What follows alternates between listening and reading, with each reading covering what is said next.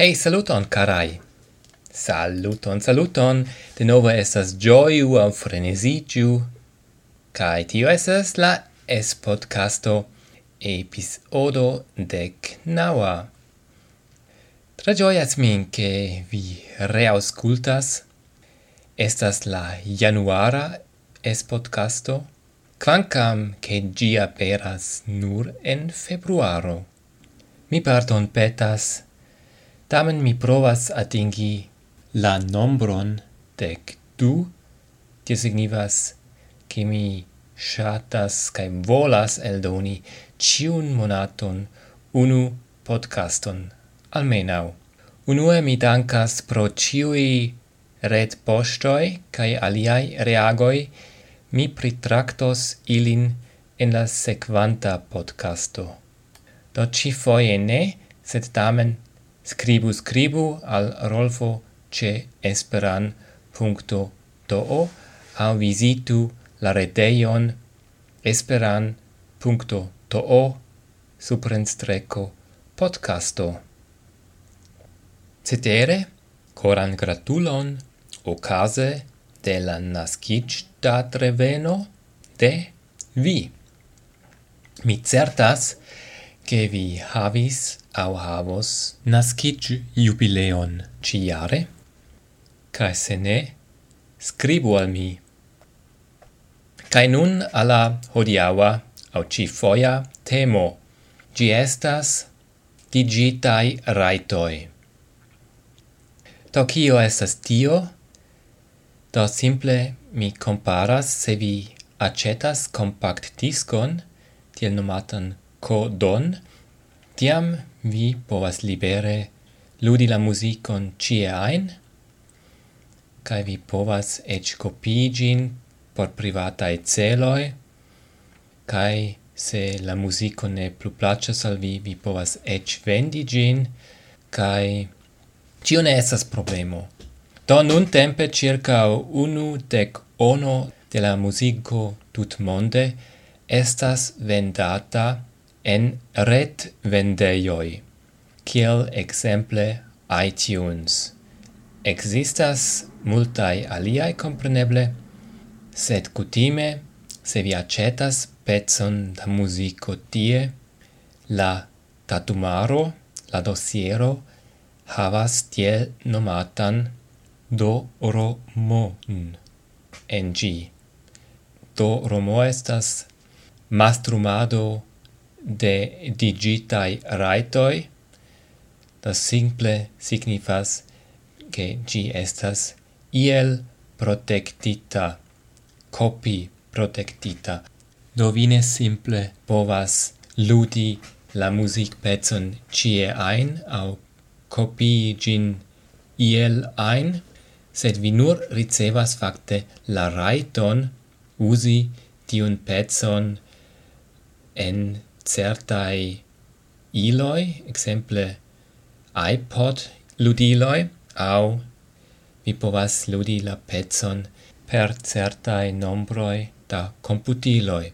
Do vi ne raitas vendi au distoni tiun pezon, ci facte ne vere appartenas al vi. Vi nur havas la raiton usi tiun musicpezon per quelcae iloi.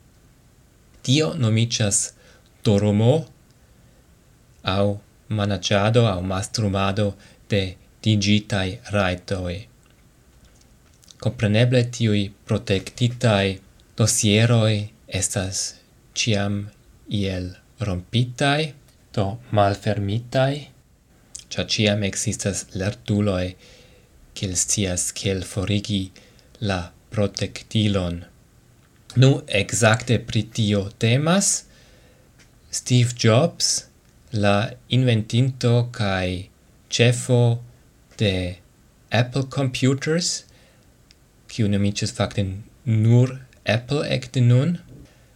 Li eldonis anta circa semaino iun scribajon, iun eseon, kiu nomiĝas Pensoi pri musico compreneble en la angla, kai mi tradukis tion ci eseon al Esperanto, sed antau legi gin al vi, mi devas clarigi kelkain vortoin qui aperos. Al shuti. Al shuti signifas meti en la reton au meti al ret servilo. La malo estas elshuti, akiri el la reto, por exemple savi ion al sia computilo. Mal secretigo significa simple malcasciado de secreto. Doromo niam priparolis, tio esas mastrumado de digitai raitoi, a simple protectado de digitai computilai informoi. Precipe temas pri musico. Codo esas compact disco kai licenzi. Licenzi signifas contracte disvendi ion. Krome ni havas la vorton iPod, tio devus esti clare al vi, estas la musicludilo de Apple. iTunes estas la reta muzikvendejo de Apple Kai Apple mem estas la usona firmao kiu creas hardwaron kai softwaron. Kai fin fine Mopo3 kai ACC esas computilae formatoi por conservi musicon. Ili estas liberaj Do tio signifes che neniu devas pagi ion alla inventintoi de Mopo 3 au AAC por usi tian formaton. Exemple, tiu ci podcasto aperas en la formato Mopo 3, sed mi tutte ne devas pagi iun licenzcotison alla inventinto de Mopo 3. Do, mi nun eclegas pensoi pri musico. Fakte mi devas ancora diri che mi iomete lingve simpligis gin, char um, ehm, alicase ci ne estus bone comprenebla, char scriba lingvo estas pli complexa ol parola lingvo, cae podcasto estas tutte clare parola afero, do oni devas usi facilan lingvon kun ne tro longai frasoi. Ofte estas tiel ke homoi simple traducas iun scribajon kai lautlegas cin kai gi ichas fakte malbone comprenebla char en scriba texto vi havas la chanson la kai la eblezon ciam reiri kai relegi, sed en parola texto tio mal facile eblas. Do eblas en podcasto, sed tamen ne tiom facilas.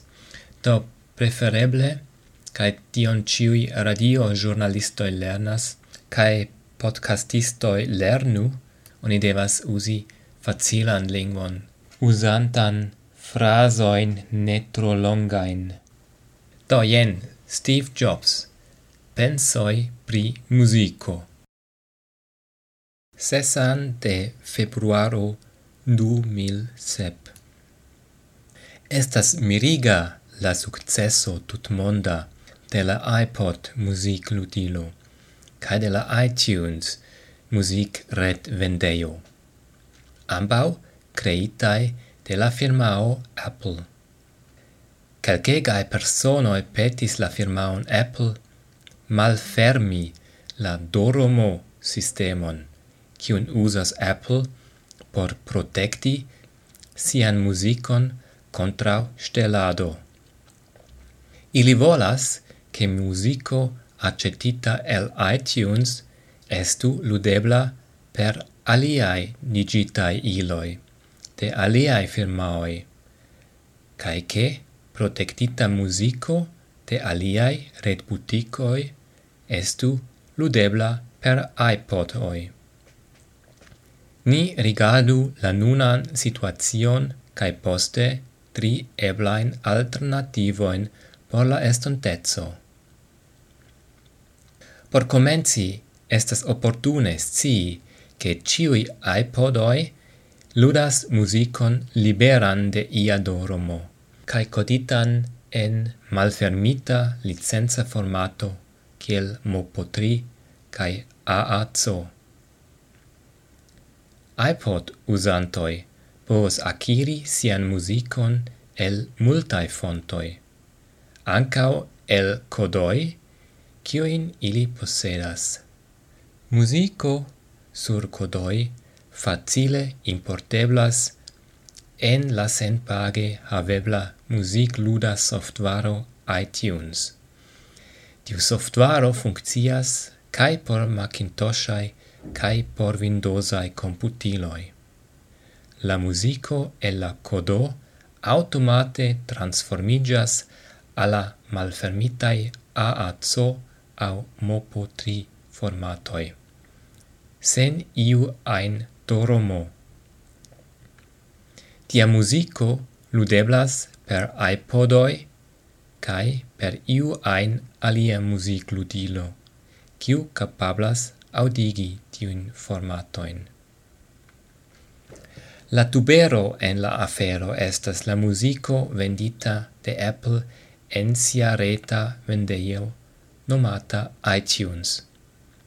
Char Apple ne posedas iun musicon mem, Gi devas havi licenzon de aliae companioi por la raito disvendi musicon, precipe de la grandai quar. Ili estas Universal, Sony Bomogo, Warner kai EMI. Tioi quar firmaegoi regas la distribuadon de septec procentoi de la tuta musico tut monde. Ciam Apple demandis tiuin companioin licenzi cae permesite disvendi musicon per la interreto, ili estis tre ege singardai. Ili devigis la firmaon Apple protecti la musicon contrau mallegia copiado. La solvo estis crei Doromo sistemon, kiu enpacas ciuin cantoin acetitain ce la retvendejo iTunes per speciala cae secreta softvaro, porce tiu canto ne estu ludebla per iui aliai iloi sen ludraitoi. Apple capablis negoce ricevi la raitoin distribui musicon rete. Tia doromo protectita musico estis, cae estas ludebla per quin computiloi kaj per senlime multaj iPodoi. Ricevi tiajn rajtojn de la muzikkompaniegoj neniam antaŭe Ec nun tempe tio estas neatingita de aliae digitae music vendistoi. Sed cefa problemo en niai contractoi kun la music companioi estas che nia doromo sistemo estas rompita kai ilia musico ichas ludebla sur ne apropitai iloi. Ni havas nur malmultain semainoin por solvi tiun problemon. Alicase, ili povas retiri sia in tutain music catalogoin el nia iTunes retvendeio por mal ebligi sen permesita in copioin, do Romo sistemoi devas permessi nur al approbitai iloi la ludadon de protectita musico.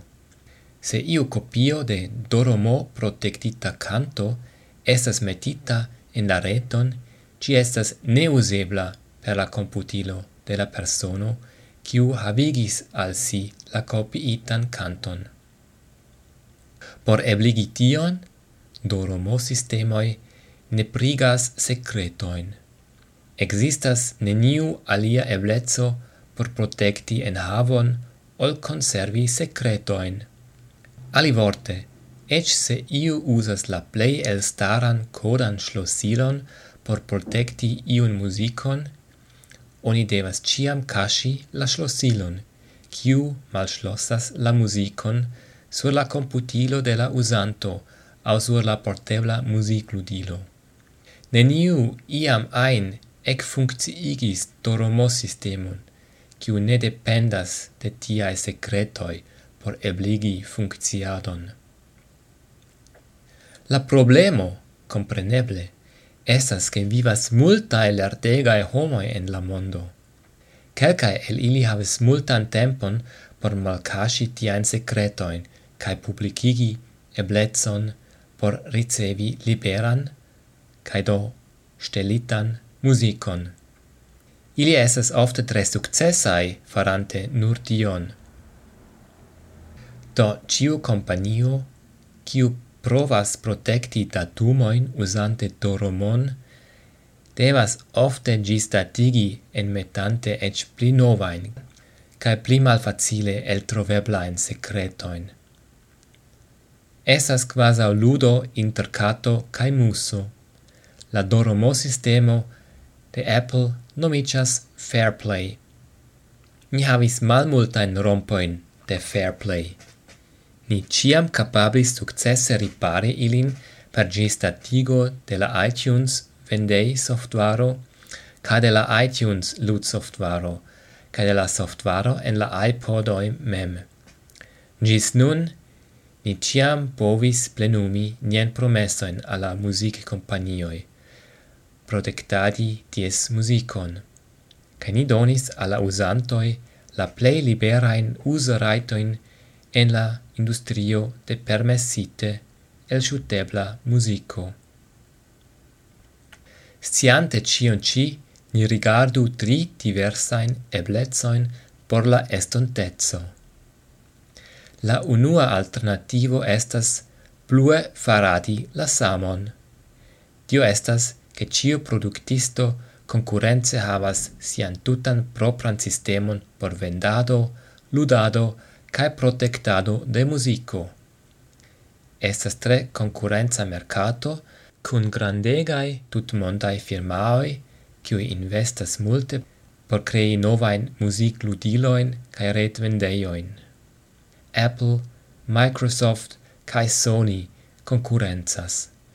Ciu el ili havante sian propran sistemon. Musico accetita el la Zoom vendeio de Microsoft esas nur auscultebla per Zoom ludiloi.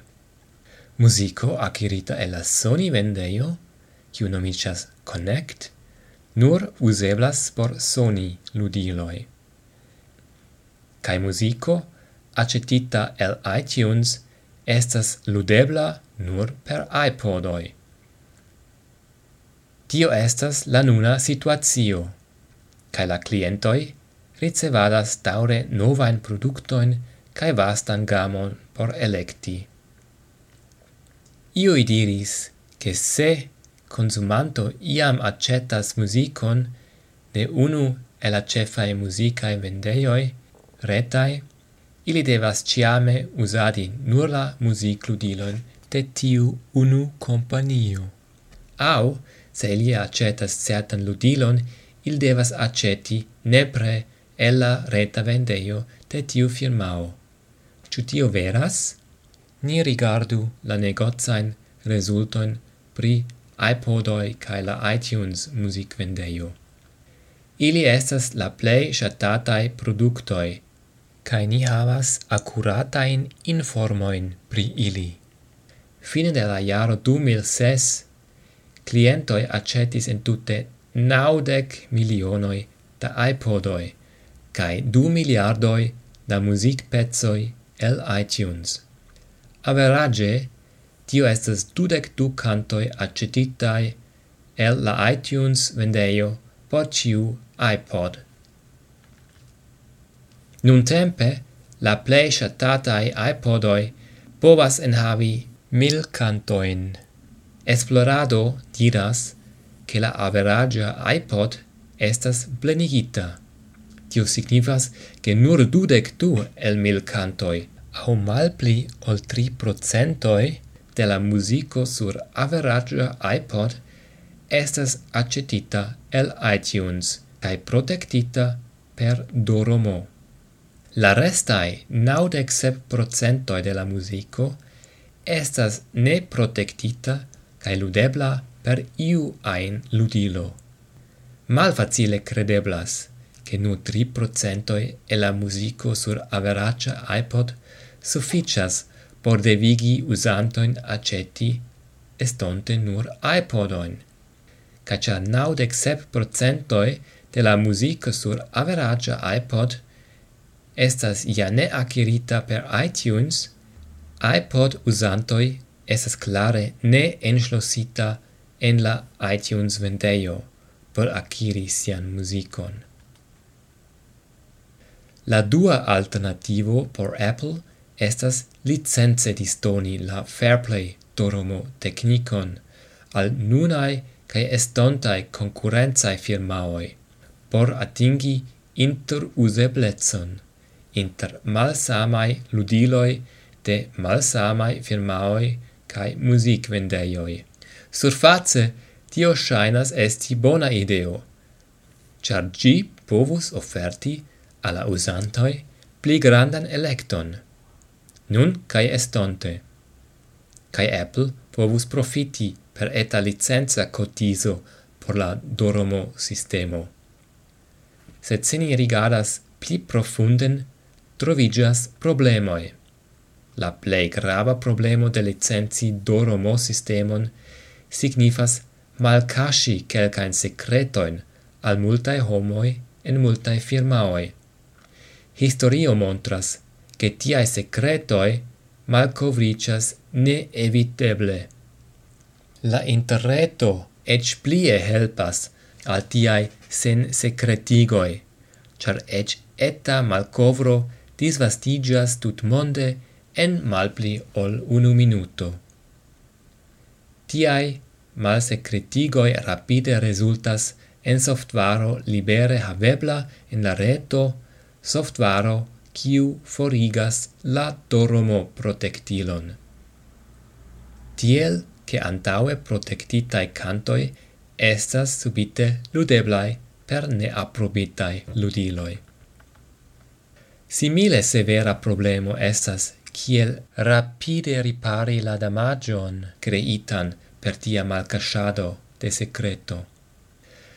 Successa riparo inclusivas la plibonigon de la vendei softvaro, de la musicluda softvaro, cae de la softvaro en la lodiloi, plibonigon per novae secretoi. Poste, Tiu softvaroj estas transferitai al decoi au centoi da milionoi da Macintoshoi, Windows computiloi, kaj ludiloi iam usatai. Tiu estas farenda rapide kai tre planite. Tia farado estas complica se estas nur unu companio, kiu priregas ciuin eroin. Estas prescau neebla se multae companioi priregas apartain eroin de la puzlo. Ciui el ili devas rapide agi por ripari la damagion causitan de malsecretigo. Apple concludis che se gi license distonus fair play al aliai, gi ne plu povus garantii la protectadon de musico kiun ci licenze ricevas de la quar grandai music companioi. Eble la sama concludo igis Microsoft transiri de malfermita modelo licenze disvendi sian Doromo sistemon al fermita modelo. Tio estas havi sian propran musicvendeion, propran music lud softwaron, cae propran music ludileton. La tria alternativo estas tutege forigi doromon. Imagu mondon, kie ciu reta vendeio vendas musicon sen doromo codo. En tia mondo, iu ein ludilo povas ludi musicon el iu ein vendeio. Ca ciu vendeio povas vendi musicon ludeblan per ciui ludiloi. Tio est certe la plei bona alternativo por la clientaro, cae Apple shatus tion ecte tui. Se la qua grandegae music companioi license disponigus al Apple sian musicon sen la nepron de doromo protectado, Apple transirus al vendado de nure sen doromoa musico en la iTunes vendeio. Ciui iPodoi iam faritai ludos tian musicon sen doromo. Cial do la quar grandecae companioi consentu lasi Apple cae aliaen vendistoin vendi la musicon sen protecta doromo? La plei simpla respondo estas cia doromo neniam reale funcciis por cesigi musican piratadon.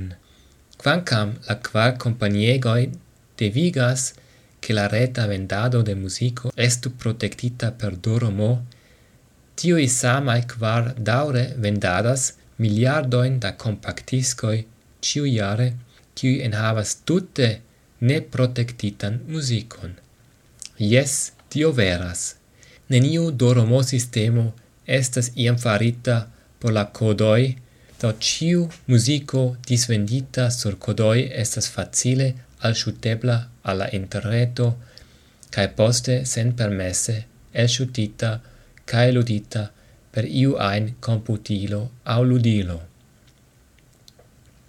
En 2006, malpli ol du miliardoi da doromo protectitae cantoi estas venditae tut monde en retvendeioi, dum pli ol dudec miliardoi da cantoi estas venditae tute sen dormo sur neprotectitae codoi venditae fare de la companiegoi mem. La music firmaoi vendadas la plei grandan parton de sia musico sen dormo, cae ili ne estas changiantai tiun conduton. Cia la plei granda plimulto el iliae enspesoi dependas de vendi codoin, kiui devas esti ludeblai en kodo ludiloi. Kai kodo ludiloi havas neniun doromo sistemon.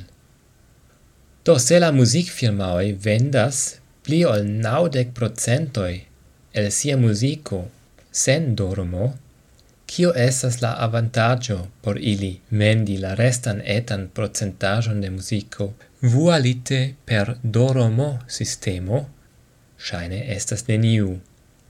Se io ocasis, esas che gi limigas la quanton de vendistoi, kiu vendas dormo protectitan musicon. Char estas besonata multe da mono por crei, funcciigi, cae gistatigi dormo sistemon. Se tiae postuloi forfalus, la music industrio povus perti la alvenon de novae firmaoi, kiui emas investi en novae vendeioi cae ludiloi. Tio estas clare fructodona por la music companioi. Multae zorgoi pri doromo sistemoi starigis en Europae landoi. Eble la personoi malcontentai pri la nuna situatio directus sian energion alla music companioi persvadante ilin vendi la musicon sen doromo. Por europanoi, du como quin e la qual music companiegoi esas tutte proximae. La plei granda, Universal, appartenas cent procente al Vivendi, kiu estas franca companio. Emi estas brita, cae Sony Bomogo esas quindec procente posedata de Bertelsmann germana firmao. Convinci ilin licenzi ilian musicon al Apple cae aliai sen doromo creos vere interfuncciantan musicmercaton. Apple circa bracos tion plencore. Do jen la esseo de Steve Jobs. Vi certe rimarcis che ci Fakte tutte ne temis pri musico, sed nur pri vendado. Do compreneble Steve Jobs li estas vendisto, li ne estas muzikisto. Kai por tio ni nun transiru alla podcufujo.